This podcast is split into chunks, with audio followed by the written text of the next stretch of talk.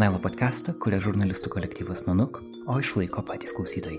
Prisijunkite ir jūs adresu patreon.com pasvirasis brūkšnys Nunuk multimedia. Ačiū visiems tai padarysiems. Gero klausimo.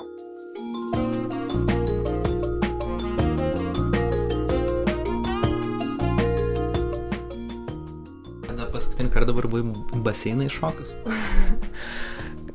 Gruodžio mėnesį. Tai baisu? Ne, kažkaip gerai paleidau tą dalyką su tokia pagarba ir meilė, kad visiškai nejaučiu jokio skaudulio ar, ar kažkokio, kad gailėčiausi kažko, aš kaip tik esu labai dėkinga tai patirčiai, nes tai buvo galbūt svarbiausias toksai sprendimas gyvenime mano tiesiog paleisti kažkokią didžiulę dalį savęs ir nebijoti pradėti kažkaip iš naujo. Šią savaitę Rūta Meilutytė paskelbė, kad baigė profesionalios plaukikės karjerą. Lietuvos sportui tai yra eros pabaiga. Na, 75 metrai, paskutiniai 20 20 metrų. metrų Rūta Meilutytė pirma. pirmauja. Jefimova antra, tačiau jau finišuoja Rebeka Soni. Laikykis Rūta. 10 metrų, paskutiniai grįpšniai. Rūta Meilutytė, Rūta, Rūta, Rūta, Rūta. Rūta Rūta Meilutytė. Meilutytė olimpinė čempionė. Lietuva turi aukso medalį. Fantastika! Olimpinė čempionė Rūta Milutytė 1 minutė 5 ir 47 šimtosios sekundės. Nuo šio vakaro visas pasaulis tikrai mokinsis tarti lietuvišką vardą ir pavardę. Aš tiesiog buvau mergina iš šilainių, toksai svajotas vaikas ir staiga, nu, staiga aš tapau čia ta rūta ir, nu, o kas ten iš tikrųjų yra, aš pati ir ne, nu, nesupratau tiesiog.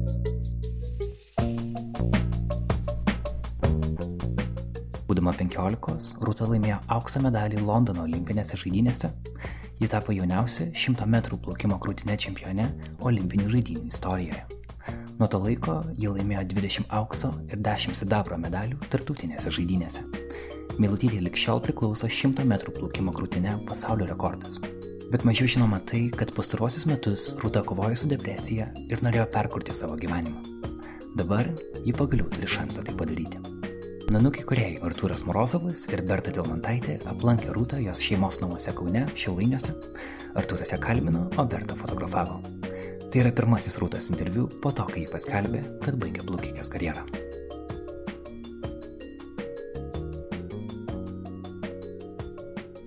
Tai galim gal pradėti nuo pasisveikinimo. Tada labas, Rūta. Labas, aš taurai. Labai malonu tave matyti. Į susitikimą su tavim atėjom į tokią įdomią vietą. Tarp daugiabučių namų. e, Žengiam per pievą pilną pienių. Auga seni žolai. Ir dabar kalbame tokiam senam name, kur yra pečius, medinės grindys. Gal gali papasakot, kas tai per vieta yra? Tai yra mano namai, kuriuose aš užaugau ir kuriuose na, praleidau pirmus savo 13 gyvenimo metų. Ir jo, čia mano tėviškė, galima taip sakyti. Keistai skamba žodis tėviškė vidury šilainį kaune. Taip, bet čia toks jausmas, kad, na, ten nei Kaune, nei Šlainės, o kažkur galbūt kaime kokia nors. Nu, čia toks visai kitas jausmas ir visai drąsiai galiu vadinti tai kažkokia tėviškė. Nežinau, šiaip nelabai naudoju tą žodį, dažnai tai taip išsprūdo tiesiog, bet... Na, tokia gimtinė. Čia Gimtinė, turbūt ir tavo mačiutė gyveno. Ja? Jo, čia mano užaugo mano močiutė. Šitam namui yra dabar apie, mes skaičiavom čia kažkada 80-90 metų. Jisai čia iš vidaus kitaip atrodo, bet visa, visa struktūra yra toks, kaip buvo. Tada ir čia aišku, kai močiutė gyveno, aplink buvo tik pievos ir jo, čia prabėgo mano vaikystė ir, ir iš tikrųjų labai, labai daug laiko aš praleidau šitam kieme tiesiog, nu, mano laiko praleidimas būdavo dažniausiai kokiuose medžiuose. Kastys po medžius. Jo, jo, medžiai, pievoje, su šuniu lakstydavom labai iš tikrųjų daug laiko. Tikrai keista, kad čia toks jausmas kaip kaimas, aš girdžiu paukščius, čiulbant kažkaip tie vat šimtamečiai medžiai užstoja viską nuo miesto triukšmo, matau malkas sudėtas. Ir visai netoli čia, gal turbūt už kokio kilometro spėčiau, yra Šilainių baseinas, kur tu pradėjai plaukti nuo septynių metų berots, taip? Taip, taip. Jeigu prisimintum savo tas vaikystės dienas, kada pirmą kartą atėjai į baseiną ir pradėjai taip aktyviau plaukti, gal galėtum pasvarstyti, ką tau, pavyzdžiui, plaukimas davė kaip vaikui septynių metų. Kaip pradėjau plaukti, vos tik tai prasidėjo pirmas treniruotės, tai visada, aišku, močiutė vesdavo į baseiną. Ir šiaip apskritai visas tas gyvenimas mano buvo toksai, na, už baseino ribų toliau aš neidavau. Ten, vat, jau toliausias taškas, tai, vat, mokykla yra kažkur maždaug tarp namų ir baseino. Iš mokyklos eidavau visą laiką į treniruotės, tuo metu dar lankiau jau įvairiausius kitus burelius, ten kvadratą, visokius uh, keramikos burelius, ten darydavau realiai viską, ką tik tai būdavo įmanoma. Buvau toks labai hiperaktyvus vaikas. Nu, plaukimas iš pradžių buvo toks iššūkis man, nes kažkaip labai aš uh, visus tos uh, žemiškus sportus uh, labai greitai pagaudavau ir ten labai kamuolį gerai valdydavau, ten koordinacija puikiai būdavo kažkaip pirmą kartą baseinė atsidūrus aš taip, na, pasimečiau, nes iš tikrųjų nežinau, kaip plaukti. Ir, ir pamenu, pirmoji treniruotė aš kažkaip drąsiai tiesiog šokau į vandenį giliausią vietą, kažkaip galvodama, kad, na, tai man nieko nebus ir vos nepaskendau. ir treneris su lasda ten turėjo mane ištraukti. tai buvo tokia pirma diena, tokia, kad supratau gerai, čia ne, čia ne juokas.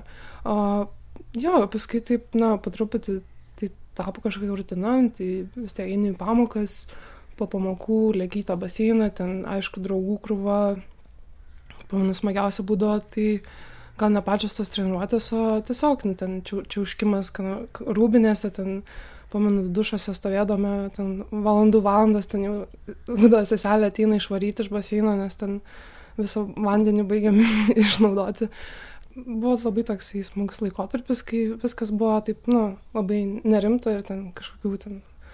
Kada pastebėjai, kad tu kažkaip, gal kažkiek skiriesi nuo kitų vaikų, aš įsivaizduoju, gal, kur tu ne tik, kur tiesiog praleidai daugiau laiko baseinė, tau turbūt aš įsivaizduoju, kad reikalinga tam tikra disciplina, tavo laikas kitaip skirstosi gal negu daugelio vaikų. Ar buvo toks momentas, kad atsimeni kažkaip tą tokį lūžį?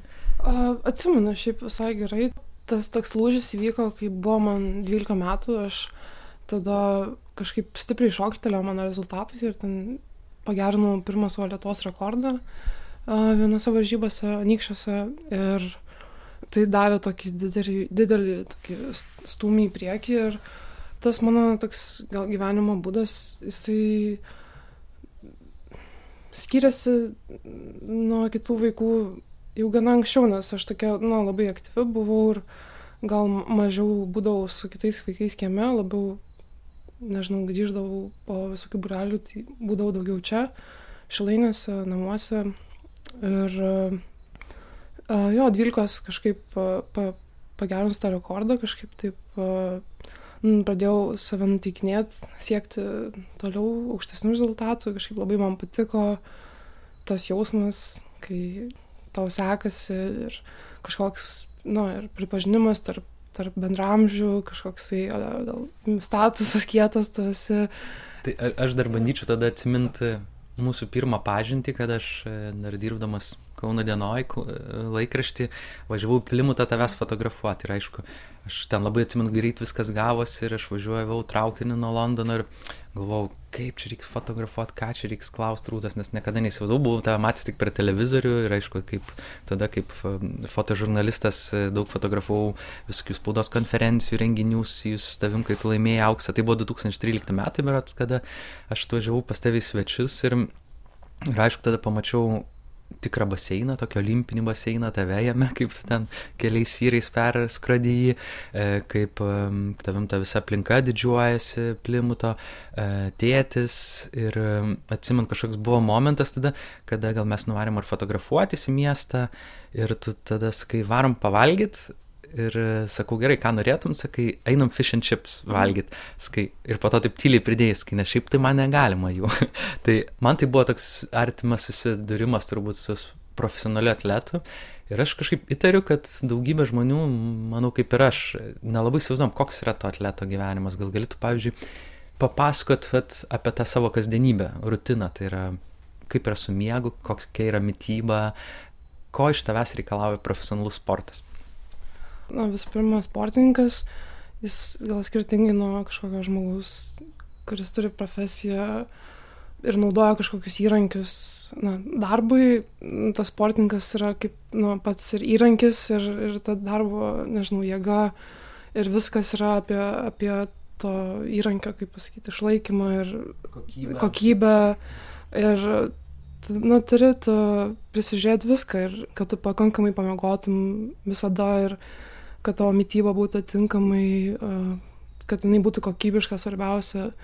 Psichologinė būsena taip pat yra labai svarbi, tai ir tą turi prižiūrėti, nes, na, yra sunku kažkaip, na, turi balansas kažkoks būti tarp ir psichologinės ir fizinės tos veikatos ir labai daug laiko tu tam atiduodi, realiai visą laiką, nes, na, pabaigęs treniruotę, tu a, grįžti namo ar eini į mokyklą, tu vis tiek ilsiesi, kažkaip išnaudoji tą laiką, kad um, pasiruoštum kitam, kita, kitai treniruotėjai. Kuri turbūt dar tą pačią dieną. tą pačią dieną, jo, vakare grįžti irgi turi, na, spėti pasidaryti kažkokius ten namų darbus, ten um, palsėti, pamiegoti, pabendrauti, dar, ne, ne, dar yra tas socialinis kažkoks gyvenimas, kurį reikia palaikyti to pačiu. Tai labai toks, na, įtemptas visos dienos darbas kiekvieną dieną. O kiek, pavyzdžiui, kiek, kiek kilometrų nuplaukdavai per dieną, šiuo metu? Įvairiai, šiaip gal sakyčiau, toks mano didžiausias, sunkiausias treniruočių laikotarpis buvo, kaip gyvenau Plimutė, būtent Anglijoje, tie šeši metai, nu, beveik septyni buvo tokie, kad nu, tikrai labai labai daug plaukdavom ir būdavo ir mm, 15 km į dieną, kartais daugiau, a, kartais mažiau, bet, nu, taip virš dešimt tai laisvai. Tai... O, turbūt ne tik baseinas yra treniruočio vieta, turbūt tai ir, ir kažkokius sporto klubą, ar kažkokius darai pratimus, kūno lavinimo. E, o paminėjai tą socialumą, kad tai, tai irgi svarbu ir aišku, psichologiniai būsenai, kaip ir sakai. E, papasakok, koks atrodo sportininkų, va, tokių profesionalių sportininkų, tas socialinis pasaulis, nežinau, su kuo sportininkai bendrauja, nes vis tiek turbūt einate į specializuotas mokyklas, kaip limute buvo Ir tas ratas, aš įsivaizduoju, yra vien sportininkai. Kur, pavyzdžiui, sportininkai susiranda savo antrą pusę? Uh, jo, dažniausiai sportininkai ir uh, bendrauja su sportininkais, kas yra natūralu, kaip kokie nors uh, muzikantai su muzikantais, daugiau vis tiek tos žmonės matai savo aplinkoje, pažįsti, galbūt seki, kaip sekasi kitiem ir gyveni tam tokiam pasauliu. Bet aišku, nu, visi turi kažkokius vis tiek ir savo artimus, savo kažkokius draugus, kurie nėra iš sporto. O šiaip, na, tas sportas, kai atima tiek daug laiko ir, na, tų visokių užsiemimų kažkokių mažiau vis tiek turi ir laiko, galbūt ir jėgų mažiau Bet ten eiti. Būdavo laiko, nežinau, pasidomėti, sakykime, kultūriniu pasauliu, politiniu pasauliu, nežinau, mokslo, domėtis kitais visai dalykais, negu yra sportas. Laiko, nu, manau, visada gali rasti laiko, jeigu tik nori.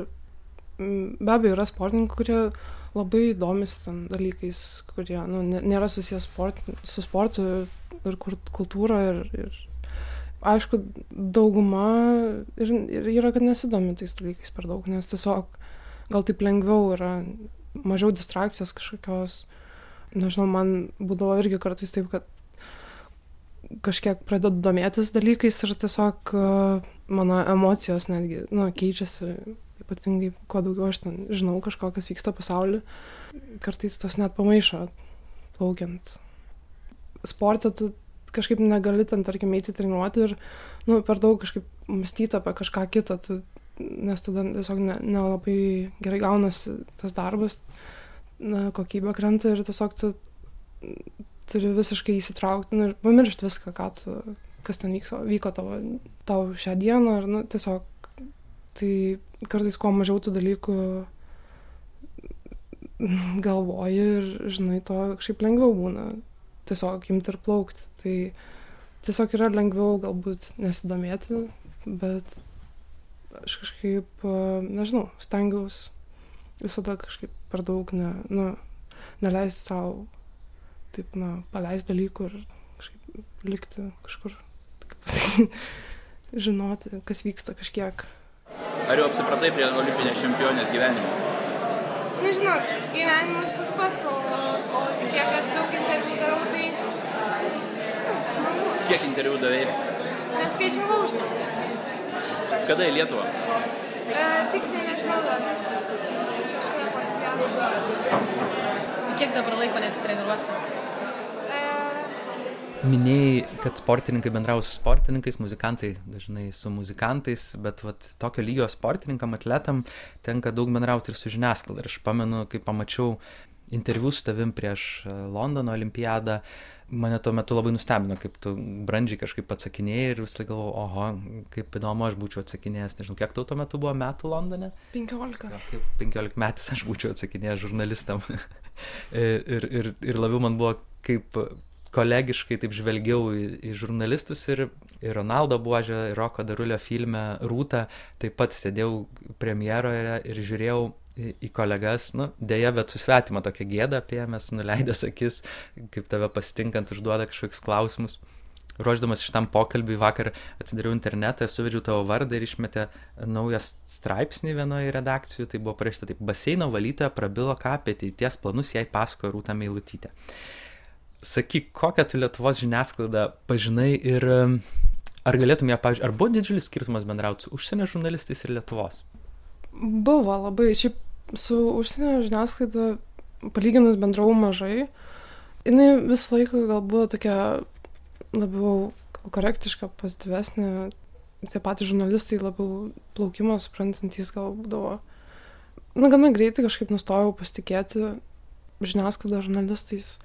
Man trūko joje žmogiškumo tiesiog paprasčiausio ir iš pat pradžių aš tokia buvau, na, gana naivi, galvodavau, kad, na, visi žmonės čia tikrai, na, kažkaip yra geri ir, ir labai taip uh, uh, visiems atsakydavau, su visais bendraudavau, visiems uh, stengdavausi, na, duoti tą savo laiką ir vėliau kažkaip, na, susidurdavau su tokiais atvejais, tiesiog kaip kažkokia yra miskomunikacija, kaip mano žodžiai yra išimami iš konteksto, kažkokia bandoma emocija su, sukelti iš, iš kažko, ko galbūt nėra. Ir, ir nežinau, man uh, laikui einant aš uh, tiesiog nusivyliau žiniasklaidą ir, ir norėjau su ja nebebendrauti mes prie truputį prieš tai esam kalbėję ir, ir aišku, tas žiniasklaidos dėmesys nėra tik tai viena tavo pečių, tai liečia ir tavo artimuosius, liečia vat, šeimą ir kaip mes čia vat, atėjom su Berta kalbinti ir minėjo tavo brolius, kad vakar žurnalistai, nes čia aplink tvoras vaikščiojo. Yeah. tai sakė, kas... Na, čia kavinės darbuotoja sakė, kad po kiemą vaikščiojo kažkas. Kita vertus, aš iš žurnalistų pusės taip pat suprantu tą norą turbūt su tavim pasikalbėti ir tai, kad tu išėjai iš socialinių tinklų, teko girdėti irgi klausant radiją, kad ekspertai studijoje spėlioja ir, ir buvo tokia, ką, ką tu dabar veiki ir sako, na, va, kadangi rūtas nėra nei ten Facebook socialiniam tinkle, nei Instagram, mums labai sunku suprasti, ką jinai dabar veikia, kaip jinai jaučiasi, kaip atrodo. Sakyk, ką tu reiškia socialiniai tinklai ir kodėl ir ka, kada nusprendė iš jų išeiti. Ir tu berots turėjai labai didelę auditoriją. Uh, auditoriją, kurios siekia daugybė žmonių, kurie nori tapti žymiais, ar, ar jau yra tokie, o tu staiga viską nubraukiai ir pasilikai tiesiog būt rūta. Na, tas sprendimas galbūt atėjo kažkaip, aš gal jaučiausi kažkaip sustapatinus to kažkokio plaukikės, to įvaizdžio ir man tuo metu buvo labai svarbu suprasti, kas aš esu, bet po. Ir Instagramas, na, jisai buvo vis tiek um, paremtas to mano plaukikės įvaizdžiu, tai buvo tokia anketa, kuri, na, buvo plaukikės rūtos, na, nu, daug, daugiausiai galbūt žmonių taip, taip tai matė ir man tai trukdė paleisti kažkokią dalį savęs, kurią aš norėjau paleisti, kad galėčiau būti tiesiog paprastu žmogum. Ir man tie skaičiukai kažkokie sekėjų, jie taip, nu, ne, niekada aš jų nelabai supratau, bet po pačiu kažkaip jautės toks, kad, nu, viskas tokio dideliai skaliai ir norėsi man paprastumo tiesiog. Tas santykis apskritai socialinė medija man toks buvo, nežinau, aš... Niekada ten ir nebuvai labai aktyvi. Ne, nebuvau. Bet tiesiog pastebėjau, kaip, nežinau, ypatingai šiais laikais mano, mano kažkokio rato žmonės, šiaip aplinkiniai, kaip jie įsitraukia į tą gyvenimą virtualų ir kaip tai tiesiog atitraukia visus nuo, nuo tiesiog paprastų realių dalykų. Man tiesiog norėjosi iš to išeiti ir galbūt, nežinau, neprisidėti prie to maitinimo tos mašinos. Visai neseniai dar buvo laikai, kada žymų žmonės turėdavo sekretorius ar sekretorės, kur, tiesiog kažkokius tarpininkus, kurie nuimtų nuo jų tą viešumo reikalą. Tai yra, kad tai, norint, nežinau, kalbėti su auditorija, tu per kažką auditorija tave kreiptis ir kažką, o dabar atrodo pabandyk kažkam tą tarpininką įvesti kažkokį sekretorių. Ne, daugybė nuomonės formuotojų taip vadinamų influenceriais, daugybė šiaip žinomų žmonių kaip tik stengiasi kuo didesnės auditorijas, kuo daugiau atverti savęs, aiškint, kaip jie turbūt atsikelia, ką jie veikia, ką jie daro. Tai iš principo, tai jo, turbūt siekti to, to, to nuolatinio bendravimo. Ir kas tau yra tas žinomumas, labai įdomu suprast, ką reiškia e, būti žmogumi, ypač turbūt tavo atveju Lietuvoje, kada tave žino ir turbūt yra, užau, taip jaučiasi, kad yra užauginus tarsi visa Lietuva. Pavyzdžiui ką reiškia tau pereit per laisvės alėją ir prisėst kavos? Kaip tai atrodytų?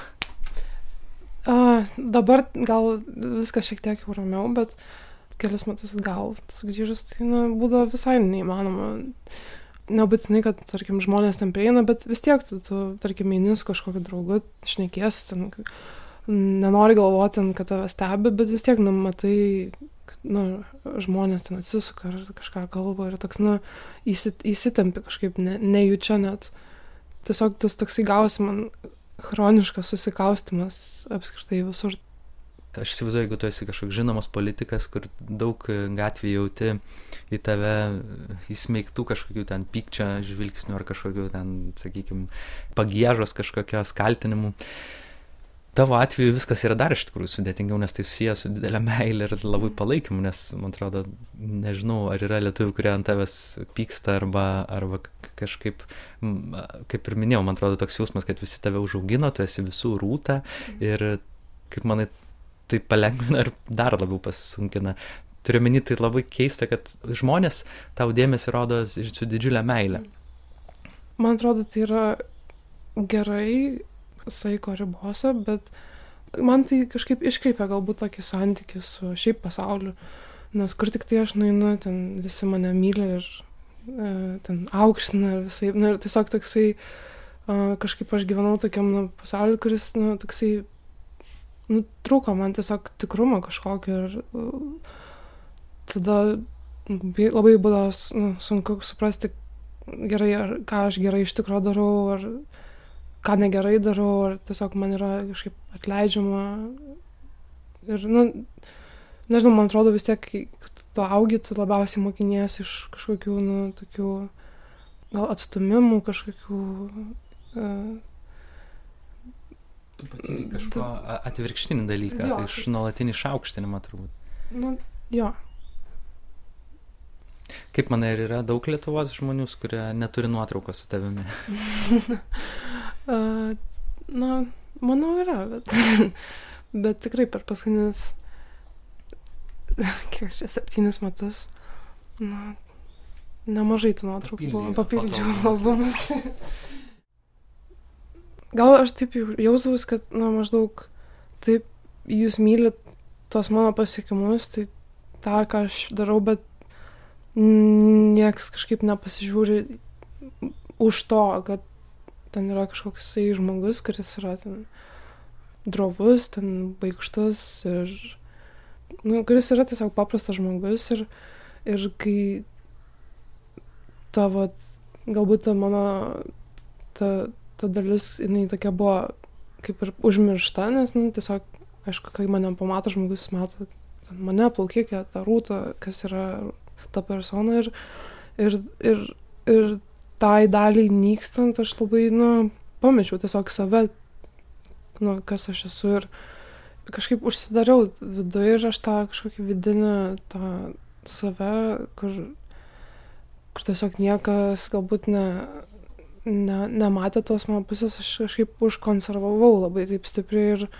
visai kaip ją saugau, nes tiek, nu, tu kažkaip grįžęs ten namo ne, negalvoju apie save, ten, kad aš čia ten olimpinė čempionė, ten kažką tokio. Nu, tie dalykai ateina ir praeina, aš juos dar greičiau pamirš, pamirštu, negu kad, nu, kad kiti ten negu prisimena. Ir, ir ten su kuo esi, su kuo lieki, tai tiesiog su savim ir, ir nežinau, kažkaip vis tiek augi per kažkokią refleksiją, per tai, kaip kiti tą mato žmonės, kaip, nu, ir kai tas toks ryšys, na, buvo toks, na, vienpusis, kur aš tiesiog esu labai mylima ir ten aukštinama, man tiesiog trūko to tokio tikro supratimo apie ką, kokia, kas aš esu, ko, ko, kokia ir, na, um, kaip aš čia iš tikrųjų įsipaišau tą, nu, pasaulį, visuomenę.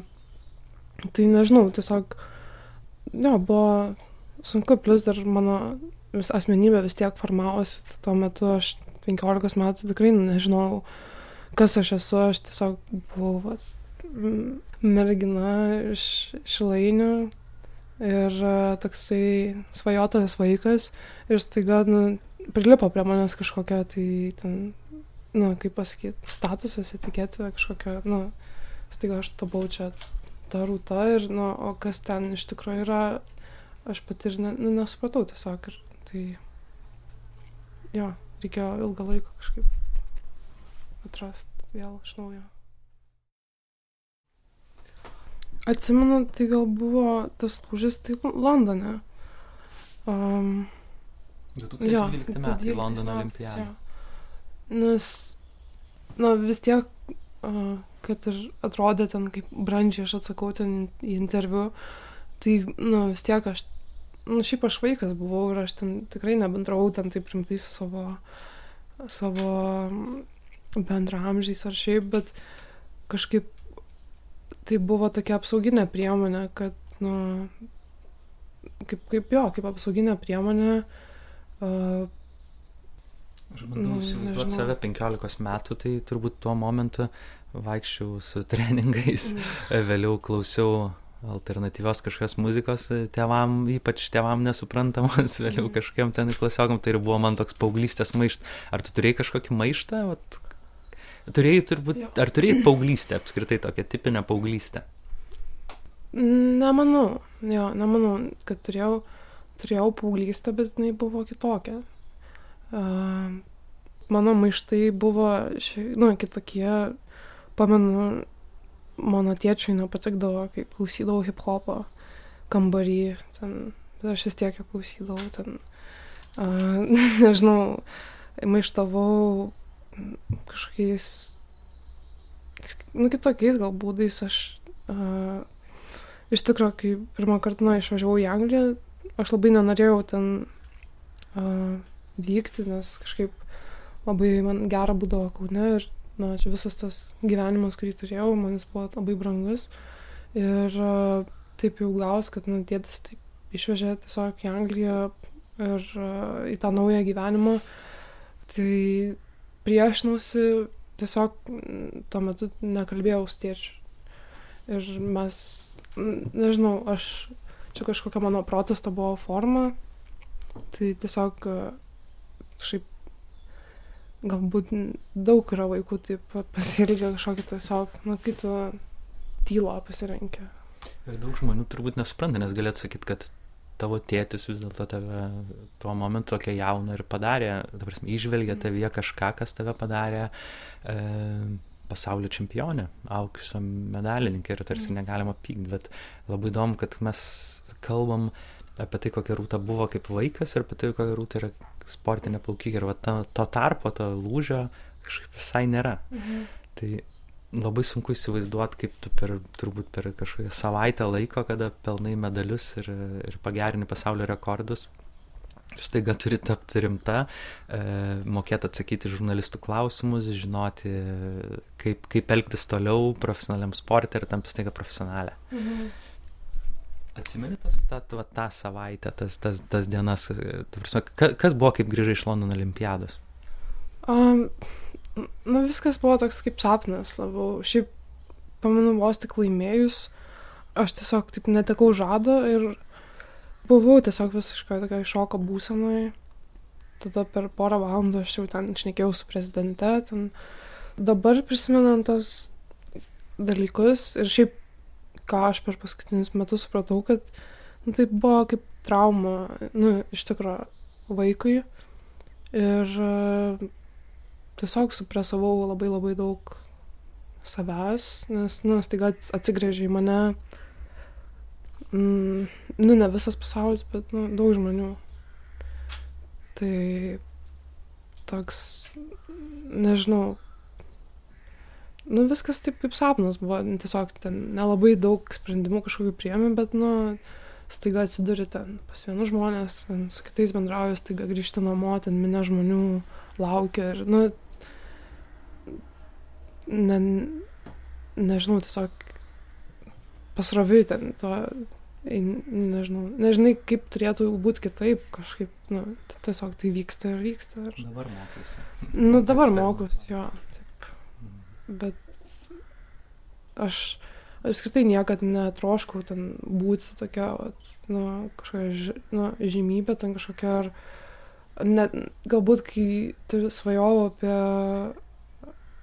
apie pasiekimus sportą, net negalėjau įsivaizduoti, kad tai ateina su tokiu, būtent, nu, su tokia kaina ir ką aš įsivaizdavau, tai buvo kažkokie, svajodavau, kad va, aš ten vieną dieną garsinsiu Lietuvą ir uh, kaip čia bus jėga, ten, nežinau, galiu atstovauti savo šalį, ten būtų tokie plaukiekiai ten geriausi ir, ir nežinau, uh, mm, Jo. Tai taip tai ir vyko, kaip ir taip ir vyko. Na, taip, tai vyko. Tai, tai, tai vyko, tu garsinai savo šalį. Ar, um, žinau, aš galvoju, gal pertrauką padarom. Jo, tai. Viskas čia.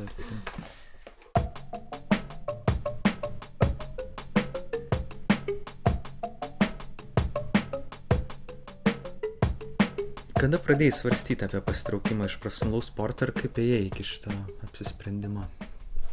Šiaip pamenu tokias pirmas mintis, gal prieš kelis metus jau, nu, buvo tokių momentų, kada norėjau um, mesti plaukimą, bet kažkaip juos nu, nuvydau šalin ir, ir galbūt nelabai turėjau laiko kažkaip per daug apie tai galvoti. Mm, dabar paskutiniu metu, paskutiniais porą metų jūs vis, nu, vis daugiau tokių abejonių dėl, dėl tos karjeros rasdavo vis daugiau minčių kažkaip eiti prie, prie kitos kažkokios veiklos ar tiesiog, nu, išeiti iš plaukimo. Ir... Aš liktai taip pajaučiau, kad, kad kažkaip Los Andželė pradėjai taip stipriau apie tai kalbėtis, jaustis ir, ir lik matėsi ir iš tavo taip, socialinių tinklų, kai dar juos turėjai, kad daug vaikštai gatvėmis, daug fotografuoji, daliniesi visai kažkuo kitu, negu tuo, kuo dalindavos plaukikė rūta. Um, tada gal buvo toks ir laikas savęs ieškojimo ir, ir um, susidūriau kažkaip su tokiu dideliu, nu, didelė abejonė dėl to paties noro mesti plaukimą ir, ir ilgai apie jį galvojau, kodėl aš noriu, tarkime, ar šitas noras yra kažkoks, nu, ar aš tiesiog tingiu plaukti, ar ten tiesiog Pasiduodu. pasiduodu ten ir aišku visokie savikritiški man balsai, nu, sakydavo, kad man čia tu tiesiog silpna, ten kažkaip, žinai, susidūrė su sunkumu ir dabar čia tiesiog viską mes ir, ir kažkoks ir jo kalties jausmas toks didelis ir kažkaip pradėjau tiesiog save narplioti, aiškintis, Ar tu buvai prieš tai, ar tu buvai prieš tai gyvenusi viena, nes Los Andželas tai buvo turbūt ir tas, kad tu viena gyvenai metus laiko. Aš buvau gyvenusi viena, bet nu, gyvenau viena, kur vis tiek aplink buvo pilna pažįstamų, kažkokie artimieji, o tai pirmą kartą Amerikoje viena gyventi. Na, buvo tokia visai kita patirtis. Ir uh, einant laikui supratau, kad, kad aš, na, galbūt nemečiau to plaukimo anksčiau, vien todėl, kad bijojau gyventi, nu, bijojau gyvenimo, kuris nėra plaukimas ir nežinojau, kaip iš viso aš galėčiau kažkaip būti ir funkcionuoti be tos tapatybės, be to be režimo kažkokio, kur be žinojimo, kad va ten, nu, metus vos ne į priekį, ką tu ten darai, dėl ko tu ten ruošies ir, ir tas buvo tokia baisiausia dalis, bet Los Andželas labai padėjo man suvokti, kad vis dėlto aš galiu gyventi ten ir be plaukimo galiu visai būti, nie, būti niekuo ir, ir gana būti laiminga būdama tiesiog eiliniu paprastu žmogumi.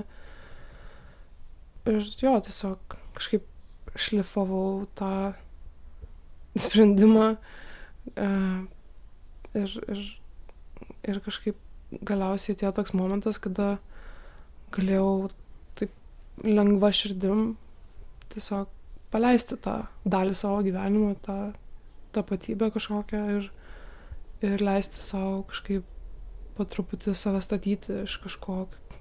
Jo, aš tiesiog Kada, Nežinau. kada paskutinį kartą dabar buvai baseinai šokus? gruodžio mėnesį. Tai baisu? Ne, kažkaip iš tikrųjų taip gerai paleidau tą dalyką su tokia pagarba ir meilė, kad visiškai nejaučiu jokio skaudulio ar, ar kažkokio, kad gailėčiausi kažko, aš kaip tik esu labai dėkinga tai patirčiai, nes tai buvo galbūt, nežinau, svarbiausia kažkokia, svarbiausias toksai sprendimas gyvenime mano tiesiog paleisti kažkokią didžiulę dalį savęs ir nebijoti pradėti kažkaip iš naujo. Kaip dabar atrodo rūtos diena, kai, kai jau kiek pusę metų ne, ne, neplaukia aktyviai, ta prasme, ką, ką veikia rūta? A, dabar tai rūta biški bimbinėja, bet šiaip, nežinau, atsikeliu ryte be žadintuvo, dažniausiai, jeigu nereikia kažkur būti, pasigaminu pusryčius, paskaitau, susitinku su artimu žmogum, išeinu į lauką, paprastai kažkaip labai taip. Ir kas tai yra per jausmas? Leis dieną taip. A, tai labai pilnas jausmas, kažkoks laisvas, nežinau, laisvė kažkokia, kurios, na, nu, iš tikrųjų su ja aš dar mokinuosi, taip, ben, nu, kaip su ja būti, nes toks dažnai išlenda kažkoks kalties jausmas, kad čia kažkaip ten nedirbu dabar, ten ar leidžiu savo tiesiog negalvoti apie tai, ką valgau, ten, kada einu miegoti, ar ten jo, čia yra kažkoks menas būti jo laisvam žmogui. Tai, bet tai, nežinau, nuostabus jausmas iš tikrųjų. Dar sugrįžkim tada. Pačioje pokalbio pradžioj e, mes kalbėjom apie tą, paskui truputį dalinaisi mintim, kokia ta atrodo ta, ta sportininko, profesionalaus sportininko kasdienybė. Ir, ir dar vieno dalyko mes neapkalbėjom tada, kad e, kai sportininkas pasiekia tam tikrą lygį ir jis nori rungtyniauti, sakykime, Europos pasaulio čempionatuose arba olimpiadai, jis privalo kas kažkiek laiko pranešti dopingo agentūrai, kur jisai bus kitą dieną, papasako, kokia tai yra tvarka. A, tai ten yra realiai tokia kaip sistema, a, kurią per internetą, tu, prie kurios tu prisiregistruoji internetu ir ten nurodai savo kiekvieną, kiekvieną dieną savo kažkokią lokaciją, kur tu mėgi arba kur tu treniruojasi ir, ta, ir tą pačią dieną turi, uh, tarkim, leisti tiem antidopingo, kon, kaip pasakyti, kontrolieriam ateiti tave tikrinti. Uh, tarkime, tu duodi valandą ryte, kada tu tikrai ten būsi namie ar būsi ten treniruotėjai Ir taip tu tiesiog pildai kiekvieną, nu, vis, kiekvieną mėnesį, visus metus kol tu sportuoji, tu visą laiką esi toj sistemoje ir jie tave nepranešia, gali bet kada ateiti tikrinti. Taip, bet iš principo, kaip, kaip dažnai tu turi pranešinėti, kasdieną tai yra? Kas, uh, na tai kartą užpildęs, tarkime, kaip, na, kaip kalendorių savo, Na, užpildai tiesiog sakykim, į priekį. Tu sportuoji nuo ten Mhm. 11 iki 12 val. bus ten baseinė. Taip. Tai, taip, maždaug aš užpildau, kad va, pirmadienį, ten, antradienį, trečiadienį, ketvirtadienį, penktadienį aš baseinę, ten šeštadienį, sekmadienį e, nenurodau, kad treniruojas, bet tarkim vis tiek kiekvieną dieną parodau, ten adresą duodu, kur aš ten mėgosiu. Tai man atrodo, tai yra irgi dalykas, ko nieks mes neįsivaizduojam. Man tai buvo naujiena. Ir e, kaip dažnai ateina patikrinti inspektoriai? O, dažnai šiaip, e, na ypatingai tokiu, kai artėja varžybos kokios nors, tai ateina kur kas dažniau, jie bent, nu, porą kartų į mėnesį kartais.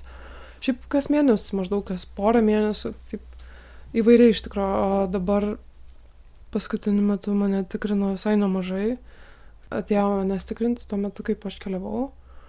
Ir, e, ir šiaip, na, paskutiniu metu aš taip labai, na, rimtai nežiūrėjau per daug į tą sistemą ir kažkaip, kaip tik, na, buvo, buvau tam procese apsisprendimo dėl, na, karjeros tesimo ir, ar netesimo ir, ir, nu, manau, pasąmoningai kažkaip aš tiesiog net Praleidai. praleidau Tai tas tu praleidai tris kartus. per inspektorių. 12 mėnesių. taip. Ja. Ir ką tai reiškia? Tai yra kaip praleidus tris kartus uh, per 12 mėnesių, jie kaip užskaito tai kaip praleista, kaip teigiamą dopingo testą. Uh, Bet jie formuoja tai kitaip, nu, atsakykim dabar, kaip ir Olimpinis komitetas išplatino jo, tą, tą pranešimą, tai ne tai, kad dopingo testas teigiamas, bet e, Mm. dopingo, kad tu, tu praleidai, tris kartus praleidai tikrinimą, tai yra, aš kaip suprantu, buvo atėję inspektoriai patikrinti tave to nurodytų toj vietoj, sakykim, ir tavęs nerado tris kartus. Tai yra tas pats turbūt, aš galėčiau sulyginti turbūt su to, kad jeigu tu atsisakai policijai pūsti į alkotesterą matuoklį, ir tai reiškia, kad tu automatiškai tau yra traktuojamas, kad tu vairavai neblaivus. Tai kažkas tai panašaus. taip, taip. Mm, visiškai taip. Dabar laukiam antidopingo agentūros, em, kaip pasakyti, verdikto, turbūt. Bet kaip jau viduj tau, aš iš mūsų pokalbio suprantu, kad gana aišku. Ar turi kažkokius dabar planus artimiausius, kuo, sakykime, norėtum, nežinau, gyventi, galbūt ką patirti, kur nuvažiuoti arba veikti, kažką mokyti, studijuoti? Dabar mm, gal didžiausias kažkoks noras mano tai būti namie tiesiog ir pabūti su artimais žmonėm, praleisti laiko daugiau su šeima, tiesiog grįžti, būti savo mieste, įsitraukti po truputį į gyvenimą čia ir nežinau, tikiuosi gal pavyks pradėti mokintis kažką gal daugiau prie fotografijos galėsiu um, Mes būti. Kalbam dabar su tavim čia, kur yra keletas fotoaparatų, matau foto- fotojostelės. Žinau, kai tu minėjai, kad savo pirmą fotoaparatą nusipirkai dar prieš e, Rio olimpiadą, nežinau, kaip pradėjai fotografuoti. Uh, šiaip prisimenu, visą laiką mėgdavau fotografuoti viską savo telefonu, uh, bet jau senai ten būdavo visą laiką ten, dar, bet tokia gal juoko labiau formai ten su draugiam visą laiką ten juokdamas kažkokių ten juokingų nuotraukų ar ten veidų žmonių, o paskui kažkaip mm, vis taip paimdavau tą fotoaparatą į rankas ir kažkaip labai taip man patiko ir vis daugiau fotkindavau. Šiaip tokia, nežinau, gavau nu, brolis fotkindavo, tai buvo toks pavyzdys, gal ankstyvas. Šiaip šeimoje tai taip visi žiūri gana skeptiškai į tą fotografiją, kaip kokį, nu, ai, nu, čia kažkaip. Nu, O, ar, o nebuvo tokio laiko, kad e, skeptiškai žiūrėjai plaukimą? buvo iš tikrųjų, kai buvo toks momentas, kai aš tada, kai man buvo gal 11 metų, aš žaidžiau krepšinį uh, ir gana rimtai jau uh, buvau kaip ir pasirinkus krepšinį kaip tą karjerą kažkokią ir, ir uh, tada pamenu, kieme ten su kažkokiais draugais mes ėjom kažkokį šulinį nuo šulinio dangtį ten norėjom pakelt. ir e, jisai ten užkrito man ant pėdos, ten biškai skilo pirštas ir kažkaip ten uh, gaus taip, kad du mėnesius aš ten su ramentais vaikščiau, nebegalėjau žaisti krepšinio. Ir tuo metu dar prieš tai aš lankiau ir krepšinį, ir baseiną ir kažkaip, kažkaip supratau, kad man tas krepšinis net nelabai ir, ir baigiu, nu, jau išsigydžius tą pirštą, aš pareiškiau ten tėčiui ir mačiai, kad aš noriu vis dėlto grįžti į plaukimą. Ir, ir reikėjo net tiesiog išsivert, kad mane leistų grįžti į baseiną, nes tėčio nuomonė buvo, kad na, plaukimas tai yra toks sportas, kuriam, dėl kurio ten moterim išplatėja pečiai, susiaurėja, ten, ten deformuojasi kūno formas, ten tampi iš vyriška, ten labai negraži, ten kažkaip ten, nu, toks jo požiūris buvo ir jisai ten bandė visai mane apkalbėti, kad tik tai neįčiau ten tą plaukimą, bet aš kaip vis tiek užsispyrus buvau ir išsiverkiau ir ėjau. tai. Vėliau tėtis tau ir kaip ir padėjo tapti tą plaukikę. Tai jeigu e, Nanuk kreiptųsi į tave su prašymu pafotografuoti mūsų tinklalaidai, ar tu kaip fotografė sutiktum kada? Taip, aišku, sutikčiau. Tai gerai, tai galim pažadėti tada. Pažadėti tada mūsų sekėjam, kad e, Rūtas nuotraukų ir Rūtas brolio gal kada išvys pas mus. Tai ačiū labai Rūta už pokalbį, už tą valandą laiko. Buvo įdomu labai išgirsti ir, ir man atrodo tiek aš ir tiek Berta, kuri fotografavo ir visą laiką laikė mikrofoną. Kažkaip praleidome įdomų laiką ir turbūt išeisime su daug minčių. Ačiū. Ačiū Jums labai. Man taip pat buvo labai smagu pasikalbėti ir prisiminti dalykus.